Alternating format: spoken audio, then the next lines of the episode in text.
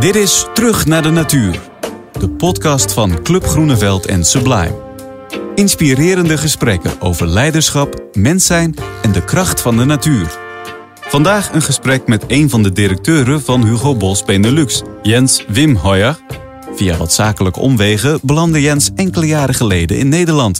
Nu is hij onze eerste gast. Luister naar een gesprek over de impact van natuur op leiderschap en hoe je een wereld kunt openen door kwetsbaarheid.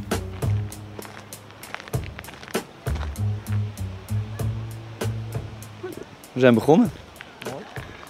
Hoe spreek je achternaam eigenlijk uit? Wim Hoyer. Wim Hoyer. Ehm, we lopen ehm, eigenlijk op verzoek eh, van Jens midden in Amsterdam in een park, eh, in het Westerpark. Ben je hier wel eens geweest, Jens? Uh, we doen hier soms uh, hardlooprondjes met uh, collega's doorheen, maar niet door de volkstuin zelf. Dus dat concreet is ook een nieuwe belevenis voor mezelf. Want inderdaad, we zijn hier wel in het Westerpark, maar in een van de bijzonderste eigenlijk en rustigste plekken van het Westerpark. Dit zijn de volkstuinen of het tuinpark. Nut en genoegen. En voordat ik nou ja, dit gesprek begin en even ga vragen wie je eigenlijk bent, wil ik even iets voorlezen over dit, deze volkstuin. Het is ooit begonnen, het is ooit opgericht eind 19e eeuw, begin 20e eeuw. Dat was echt voor arbeiders. Uh, toenmalige omstandigheden van de arbeiders waren uh, nou ja, verschrikkelijk te noemen. En uh, in die tijd kwamen er ook mensen op en die zeiden daar moeten we wat aan doen. En een aantal vooraanstaande sociaal betrokken liberalen trekt zich dat dan ook aan. En het bijzondere is dat wat zij zeggen is dat een wezenlijk onderdeel van dit denken, van dit liberale denken, over de verbetering van het leven van deze arbeiders is dat behalve het voorzien in een goede, betaalbare woning, het belang ook dat wordt gehecht aan de rol van de natuur hier voorop staat. Vaststaat dat we niet zonder de natuur kunnen. Um, of het nu om de schoonheid gaat, of het verbonden zijn met iets dat groter dan de mens is. Doet het iets met je, zo'n omschrijving van wat natuur is of kan zijn? Ja, absoluut. Kijk, we nemen, wij, wij mensen nemen onszelf altijd heel belangrijk.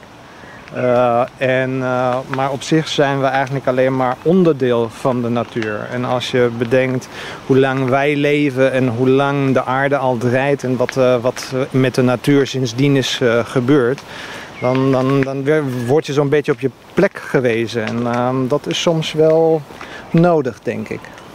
En hoe word je op je plek gewezen? Uh, kijk, uh, in, het, in het zakelijke, dan heb je vaak van die, van die kleine, middelgrote of grote drama's. En dan denk je, dat moet je nu oplossen, anders uh, stopt de wereld te draaien. Maar dan moet je toch maar even in zulke momenten, of als je naar de natuur kijkt, begrijp je eigenlijk dat dat misschien toch niet zo, dat, zo belangrijk is als je het zelf maakt. En dat de wereld niet gaat stoppen te draaien. Dus natuur ook als vorm van relativering? Absoluut, absoluut, ja. Kun je iets vertellen over jouw weg, over jouw nou ja, startpunt en, en misschien waar je nu bent? Nou, een beetje over mezelf verteld. Ik ben uh, 47. Ik ben uh, 11 jaar geleden voor een tijdelijk project van één jaar naar Nederland gekomen. Nou, nu, zoals ik het zeg, dat is niet gelukt. Uh, het was uh, dermate leuk hier dat wij uh, als hele familie hebben besloten om hier te blijven. Ja, wat was er zo leuk? Hm? Wat was er zo leuk in Nederland? Um, het is, oh, dat is moeilijk om in één zin te proppen. Maar A, wonen we hier in een heel bijzondere omgeving. Wij wonen zelf in Haarlem. Uh, dus daar heb je natuur, je hebt de zee, uh, je bent dicht bij Amsterdam. Uh, dat is op, en je hebt wel nog een, een, een, heel mooie stad nog daarbij. Dus dat was al een cadeautje. Maar het, het, het is ook een beetje de mentaliteit van de mensen. Het is, ik, heel plat gezegd, in Duitsland is het glas bij veel mensen half leeg. Ja. En bij, ik vind bij meer Nederlanders, uh, tenminste gemiddeld, is het glas half vol. Dus er zit uh, een positiviteit in het volk uh, die mezelf bijzonder aanspreekt. Ja. Oké, okay. even voor iedereen. We, zijn, we, lopen nu wel in het rustigste plekje in het Westerpark. Maar wellicht dat jullie hier nog een, een ambulance horen of een trein die voorbij komt. Dus dat is het geruis op de achtergrond. Ehm, maar we gaan steeds weer meer de rust in. Oké, maar goed, dankjewel Jens. Ik onderbrak je ook in je verhaal. Je kwam voor een project uh, naar Nederland, maar je bleef. Zeven jaar geleden. En toen? Nou, eh, destijds werkte ik uh, al voor een modebedrijf. Uh, dat was Max. Uh, die ja, van, van Nederlandse afkomst zijn. En ben dan nog verdere ja, acht jaar bij Max blijven zitten. wat een heel interessante periode was met verschillende eigenaren, van oprichter tot Amerikaans beursgenoteerd bedrijf. private equity tot aan het einde, en, en dat lief, verliep helaas niet zoals gepland, dan ook uh, met de curator. Dus dat was een, een, een wilde reis uh, over die jaren met Max. Maar dat was mijn reden in principe om naar Nederland te komen. Om, ja. En dat was dan ook gewoon op een bepaald moment afgerond. En dan ging de reis verder. Maar ik ben toch uh, in, de, in de mode blijven hangen. Kan je voor mij schetsen um, wat, voor jou, ja, wat voor jou goed leiderschap inhoudt? Nou, leiderschap is eigenlijk geen, geen status. Uh, uh, leiderschap is een, uh, een manier van interactie met anderen. Dus hopelijk als je leiding geeft, als je manager bent, ben je ook een, een goede leider. Maar het, in principe denk ik gaat het meer daarom dat je als leider uh, of je leiderschap toont door andere mensen te inspireren, andere mensen te, te, te triggeren om, om nieuwe wegen te gaan en, en in principe zelf uh, leiderschap te tonen. Ja, dat is eigenlijk mijn definitie van leiderschap. Ja. Dus dan gaat het ook heel erg over de mens. Um, je geeft natuurlijk leiding aan mensen, maar die wil je triggeren en inspireren. Ik kan me voorstellen dat dat, wil je dat doen, zul je er toch echt voor moeten zorgen dat je eerst zelf getriggerd en geïnspireerd bent. Dat klopt, dat klopt. Dus op welke manier, eh, op welke manier vind jij inspiratie? Um, door veel uh, communicatie uh, met, met andere mensen. Uh, ook feedback opvragen bij collega's, bij je medewerkers. Ehm, eh, om jezelf continu te blijven verbeteren. Dat is één manier. Lezen is ook een interessante manier om aan je leiderschap te werken. Er zijn heel veel boeken natuurlijk over leiderschap. Um, dus je moet niet het wiel zelf uh, uitvinden. Uh, je kan ook van, van andere heel slimme mensen het op papier gebracht hebben leren. En uh, ja, dan ook gewoon momenten van, van rust proberen te vinden. Waar je voor jezelf uh, ook uh, wat je zo deed en wat je wil doen kan la uh, revue laten passeren. En dan kom je snel weer bij de thematiek natuur terecht. wat een toeval. Ja. um, nou ja, je noemt het al. Natuur, rust. Um, op welke manier vind je natuur en vind je, vind je rust? En hoe gaat het in zijn werk? Um, ik persoonlijk hou van uh, de contact met de natuur in de ochtend. Dat heeft op de ene kant een, een, een praktische achtergrond. Uh, later in de dag, of tijdens de dag is het moeilijk. Later in de dag heb je natuurlijk ook familie uh, waar je voor wil zijn of sociale verplichtingen. Maar um, in de ochtend heet wel, betekent wel vroeg opstaan. Ja. Maar dan kan, kan ik wel een moment voor mezelf pakken. En het mooie is, uh, in, uh, in de ochtend is de dag nog fris, is de natuur nog fris, uh, ze wordt wakker. En dat is gewoon een, een iedere keer een, een, mooie belevenis om dan de natuur in te gaan. Wat ik dan hardlopend doe, is wel ook een beetje efficiëntie daarbij. Dan ben je ook nog lekker aan het sporten. maar dat bevalt wel en dat is een, ja, een bron van, van kracht die ik daaruit trap. En daar zit dus ook uh, hardlopen, uh, bewegen in. Dus uh, ik, ik kan me niet, Jens die zal niet snel um, zo'n hardloopapparaat op zijn zolder zetten om daar te gaan sporten. Nee, nee zeker, zeker, zeker niet. Nee, ook hardloopschool, dat is voor mij niks. Het is wel lekker buiten zijn. het is gezond om buiten te zijn. Ehm, en ja, ja. Gewoon ook leuk om bij het sporten uh, ja, op de natuur te letten en wat om je heen gebeurt. Is dat, is dat altijd, een, als ik voor mezelf spreek bijvoorbeeld, ik woon al een tijd in Amsterdam. Um, was, voel mezelf een enorm stadsmens. Uh, denk dat ik die prikkels nodig heb. Uh, denk dat ik daar mijn energie van krijg. Maar toen een paar jaar geleden liep ik uh, Krullermuller in. Of eigenlijk de tuin. En ik stapte uit. En ik voelde als het ware de, de prikkelingen en de spanning van een soort oorsuis werkelijk. Van mijn hersenen dalen langzaam tot mijn voeten. Voor mij was het echt een, pas een paar jaar geleden echt het moment dat ik wist... dit is dus wat ik nodig heb. Dit is dus meer dan stilte. Er gebeurt iets meer. Heb jij zo'n moment gehad of heb je altijd een connectie gehad? Um, gebeurt eigenlijk in golven. ik, ik, ik vind ook het stadsleven mooi. Maar, en, en dan zit je ook in een ritme. Het is, de, de takt gaat heel snel. Uh, dus dan, dan, dan opent zich ook de natuur niet zo voor jezelf. Uh, het is wel dat je een beetje tijd ook soms nodig hebt om tot rust te komen en dan echt van de natuur te kunnen genieten. Dat kan tijdens een vakantie zijn, dat kan maar ook gewoon tijdens een, een lange wandeltocht zijn. Hè? Dus uh, ik denk, je moet wel wat, wat prikkels uitschakelen. Ja. Het zal voor mij bijvoorbeeld zonde, zonde zijn met hoofdtelefoons door, door de natuur te gaan wandelen. Dan hoor je de natuur mm. niet. Um, dus uh, het, het gebeurt niet zomaar. Je moet, het ook, uh, je, je moet ervoor openstaan, denk ja. ik.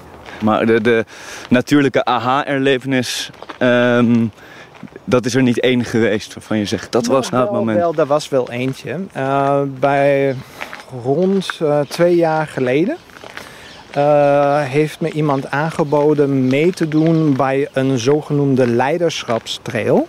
Dat was van de FNL, Foundation of Natural Leadership. En daar ga je met een groep leiders, die, of die iets met leiderschap te maken hebben. Dat kan van alle kanten op gaan.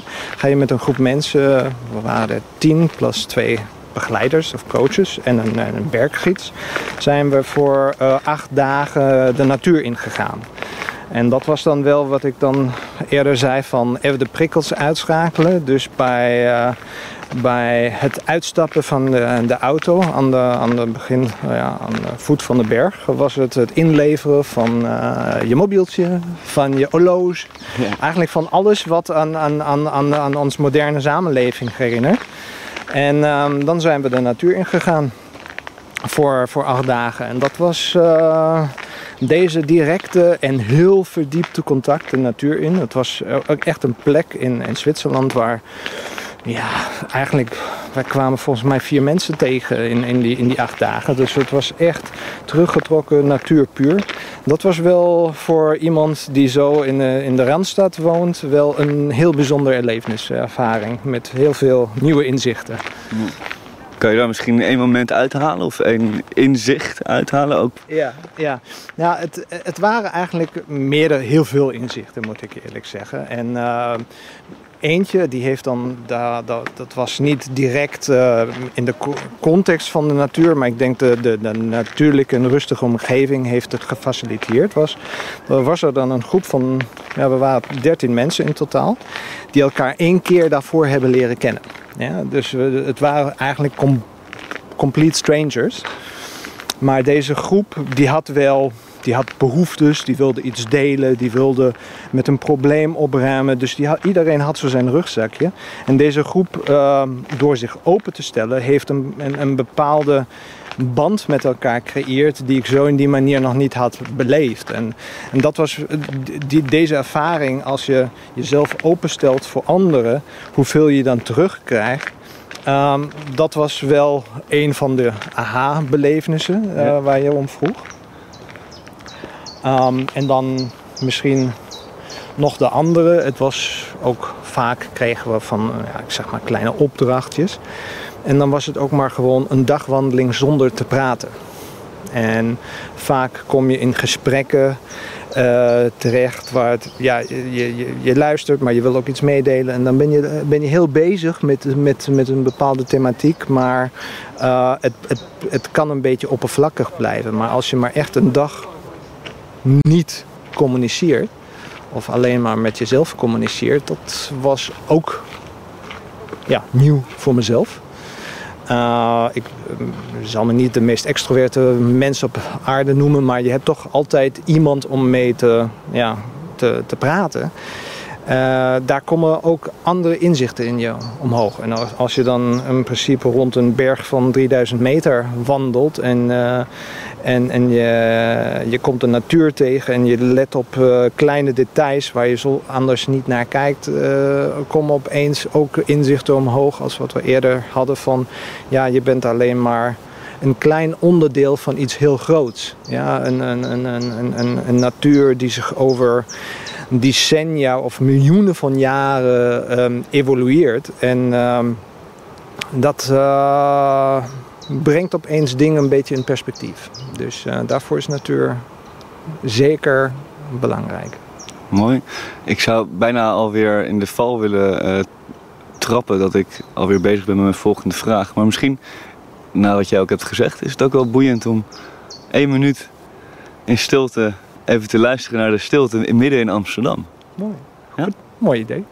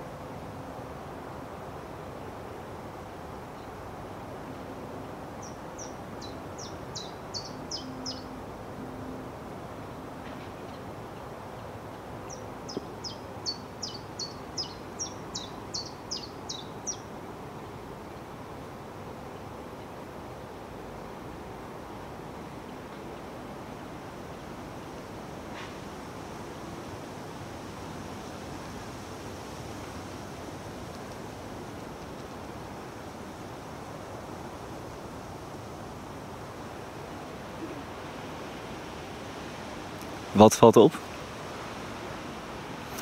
Nou, opeens hoor je de vogels, hoe mooi ze kunnen zingen.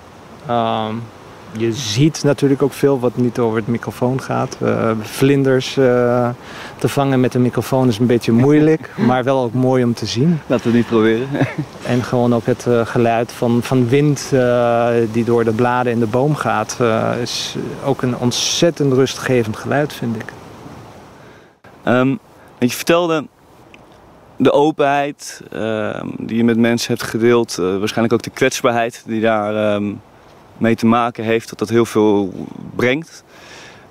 De natuur. Hoe vertaal je dit naar je dagelijkse bezigheden? Misschien ook naar je privé of naar je leiderschap. merk je dat dat invloed heeft? Of merk je dat het lastig is? Uh, invloed? Ja, zeker. Lastig? Ook. het is uh, de invloed of uh, wat ik had meegenomen van, van die reis de bergen in was um, dat het heel, als je jezelf kwetsbaar opstelt, zoals je het noemt, en mensen iets, iets persoonlijks van je meegeeft, als je daarmee een gesprek opent, ook is het een zakelijk gesprek of zelfs een functioneringsgesprek, noem maar op, dus ook in een formele omgeving, dan, eh, dan bereik je door een, een, een band te zetten met je tegenover, kan je op, op, op, op, op verschillende lagen ook met elkaar communiceren. En uh, kan je eigenlijk veel meer uit, uit, uit die interactie met die persoon halen. Uh, vaak krijg je ja, het cadeautje teruggegeven. Dan wordt ook iets persoonlijks van de andere kant gedeeld. Gebeurt niet altijd. Uh, maar ik moet zeggen, meestal. En um, het maakt gewoon de interactie met je collega's of met je zakelijke contact veel interessanter ook. En ehm, nou, op zakelijk gebied lukt het eigenlijk sindsdien duidelijk beter. Wat, wat lukt beter? Uh, de, de interactie met, met ja, gewoon um, collega's, uh, maar ook uh, klanten ja, met, met wie je ook te maken hebt. Um, ik heb thuis ook de drie pubers. Dus ik dacht, dat ga ik daar ook proberen. nou, je zal denk ik kunnen zeggen, het lukt beter. Maar dat heeft natuurlijk zo zijn hele eigen uitdagingen. Om, um, omdat hij nog in een vroege stadium van, van uh, ja, persoonlijkheidsontwikkeling zitten. En uh, hun eigen protocol volgen, wat niet altijd uh, het protocol van de ouders is. Wel een heel natuurlijk protocol. ja, ja, zeker. Maar um, met een uh, vleugje humeur uh, en ook zichzelf niet altijd zo serieus nemen, lukt dat inmiddels ook duidelijk beter. Oké, okay. dus in die zin een leiderschapscursus is breder dan het zakelijke en goed aan te raden. ja, absoluut, absoluut. Ja. En als je, nou ja, je ziet dus de wisselwerking vanuit de inspiratie die je nou houdt, of dat uit natuur, of uit rust, of uit kwetsbaarheid is. Um, misschien tien jaar geleden zat je er anders in. Als je nu vooruit kijkt, of naar het nu kijkt, vanuit het nu naar het vooruit kijkt. Wat, um, wat kan er nog verbeteren of wat is de grootste uitdaging? Um, de grootste uitdaging is dat ik vaak nog steeds denk te weten hoe het beter kan. Um, ik achteraf kijkend uh, naar bepaalde situaties uh, voel ik vaak dat het is ook een, een, aspect van ongeduld. Ik ben een heel ongeduldig mens. Dat bij, bij, bij overleg over hoe je een probleem moet oplossen, waar je eigenlijk andere mensen het voortouw wil geven. En je ook wil zien hoe de groep tot de best mogelijke oplossing komt. Dat ik toch even binnenschiet en zeg: Weet je, eigenlijk weet ik toch al wat de oplossing is. En dat is uh, niet noodzakelijk de beste oplossing en op zich eigenlijk ook een beetje jammer. En wat te doen? Ja, meestal eh, begrijp je het pas achteraf. Uh, maar om het dan voor het volgende keer te voorkomen, is gewoon ook met mensen in gesprek gaan. En, en mensen vragen van, joh hoor, zeg het maar. Wat zal, wat zal ik anders kunnen doen? Wat zal je zelf prettiger vinden. Voor je eigen ontwikkeling, maar ook om, uh, in je samenwerking. En uh, als je die vraag eerlijk stelt, uh, dan, dan, dan, dan, krijg je ook eerlijke antwoorden. Dat zijn niet altijd de antwoorden die je graag wil hebben, mhm. maar die je toch ja, vooruit laten gaan. Ja.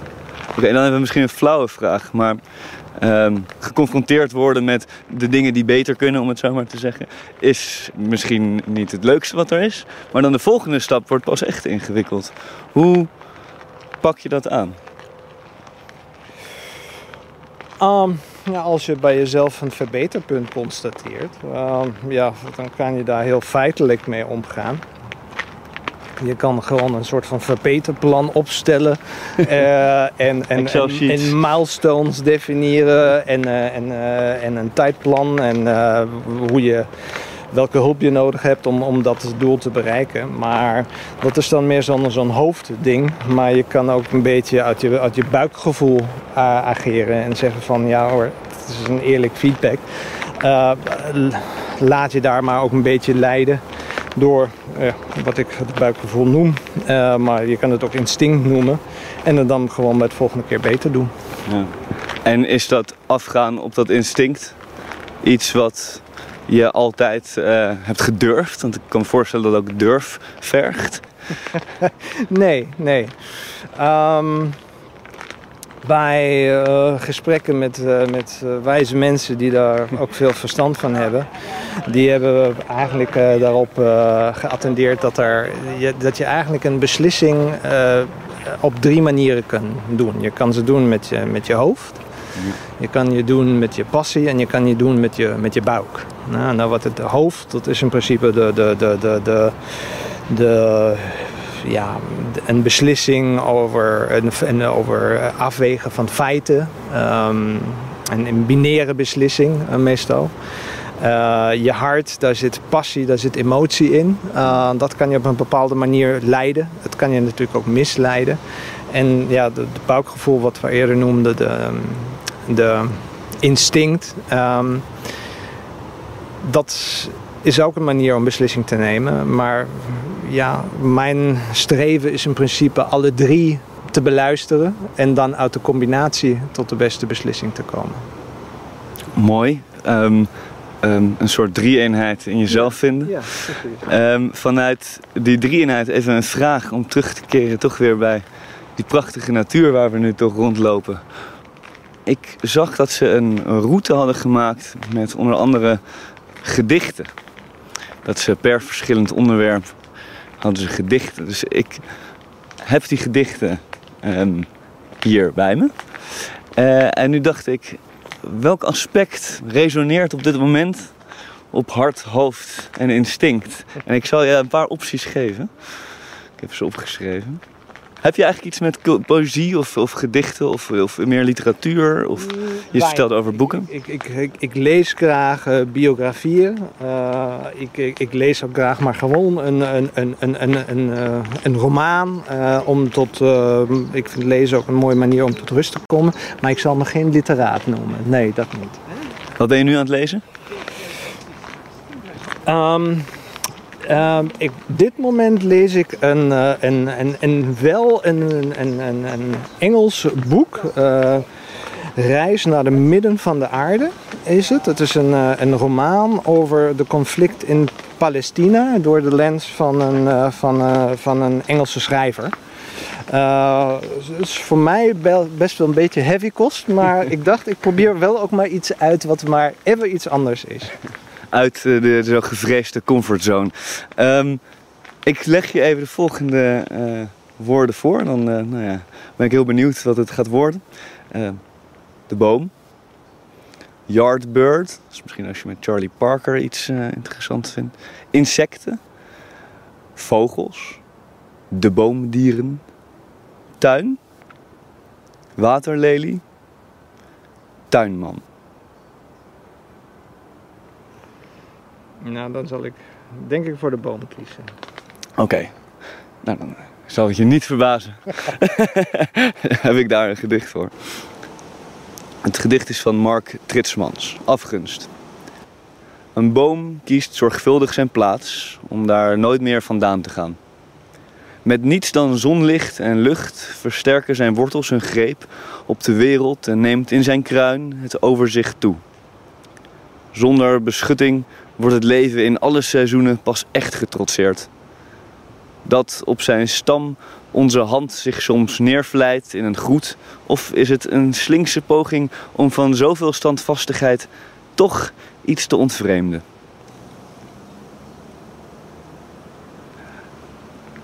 Mooi.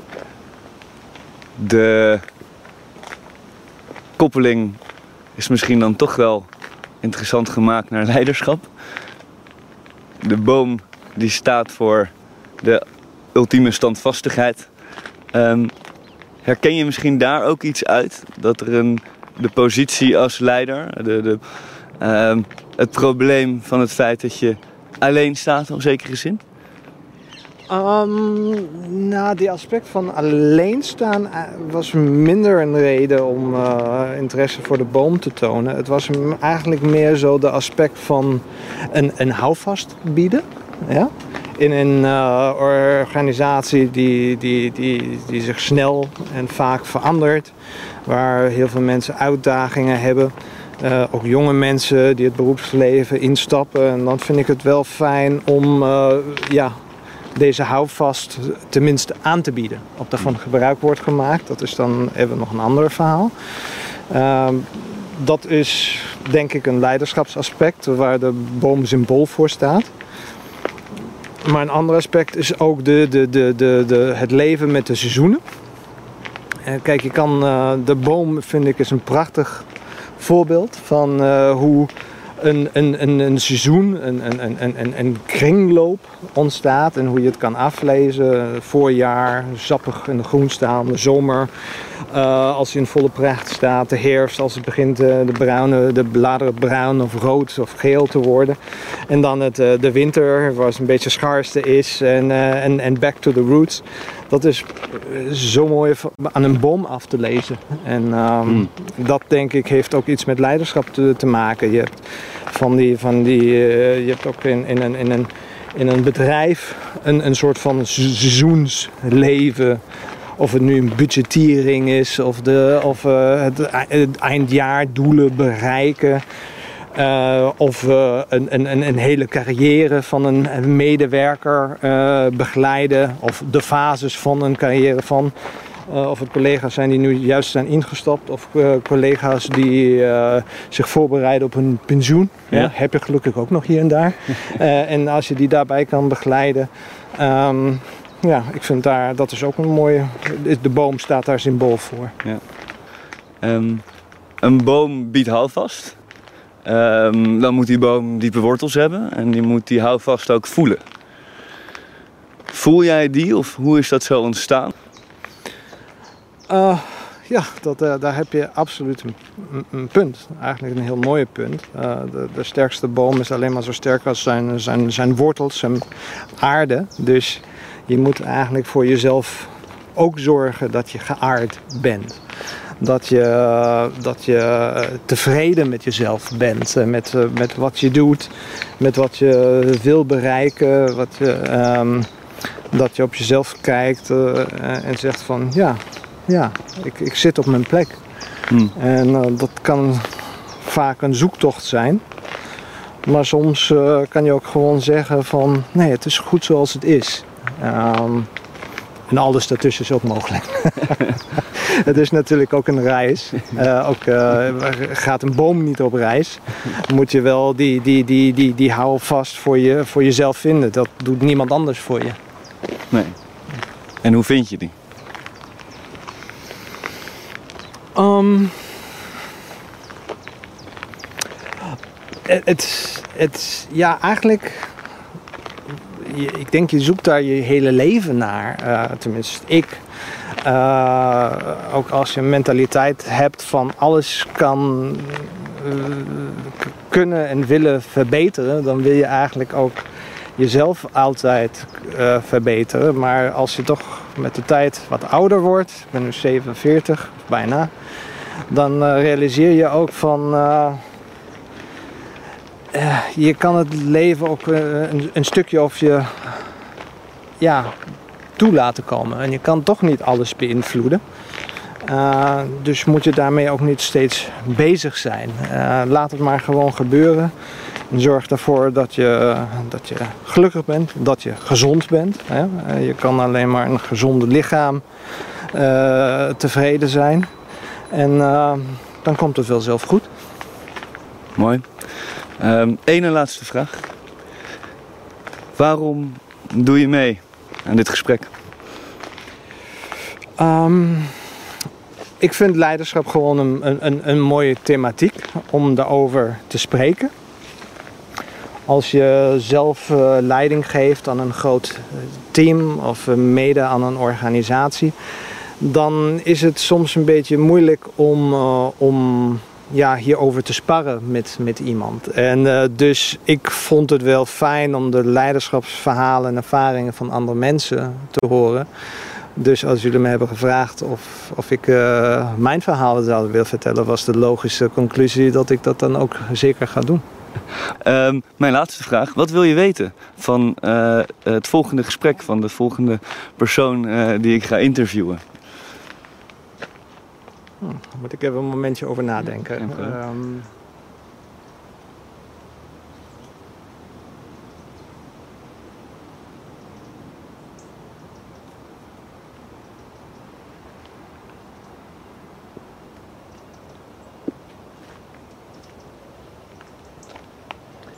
Ik denk het is eigenlijk heel simpel te beantwoorden. Welke ervaring heeft je tot een betere leider gemaakt en waarom? Laatste vraag. Wil je hem zelf beantwoorden? Oké, okay, uh, eh, nou die zat, die, die, die, die zat er aan te komen. Um,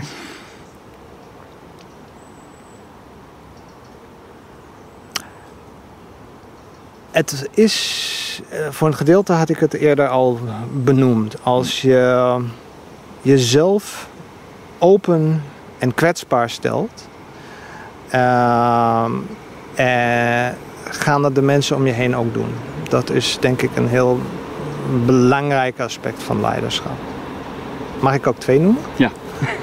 Prima. Ik denk de andere is zorg dat je de omgeving in wie je werkt of voor wie je verantwoordelijk bent, dat ehm, de mensen een gevoel van veiligheid hebben. Ehm, dat zal misschien een beetje verbazen. Je denkt toch, we wonen in Nederland, hier is het toch best wel veilig. Maar dat is minder wat ik bedoel. Ik, met veiligheid bedoel, ik een, een, een diep gevoel van... Uh, in, in deze omgeving kan ik zijn zoals ik wil zijn. Uh, anders gaan die mensen nooit vooruit gaan. Ze gaan zich nooit echt inzetten en ze gaan je ook nooit een eerlijke feedback geven als, als deze veilige uh, omgeving niet bestaat. En hoe die veilige omgeving creëren gaan we het de volgende keer uh, over hebben, denk ik. Um, uh, Jens, ik wil je ontzettend bedanken dat jij het spits hebt willen afbijten voor deze podcast. Club Groeneveld, Sublime. Heb je nog één ding wat je wil meegeven of zeggen? En anders dan doe ik gewoon de microfoon uit en bedank ik je. Het was ontzettend fijn. Ik heb uh, genoten van het gesprek met jou. Uh, ik heb niet alleen maar iets kunnen meegeven, ik heb zelf uh, ook daarvan kunnen profiteren of nieuwe inzichten kunnen zamelen. En je hebt me verzorgd van een moment van rust op een drukke dag. En dat is altijd een cadeau. Kijk, dankjewel en tot de volgende. Je luisterde naar Terug naar de Natuur, een podcast van Club Groeneveld en Sublime. Wil je meer weten? Ga dan naar clubgroeneveld.nl.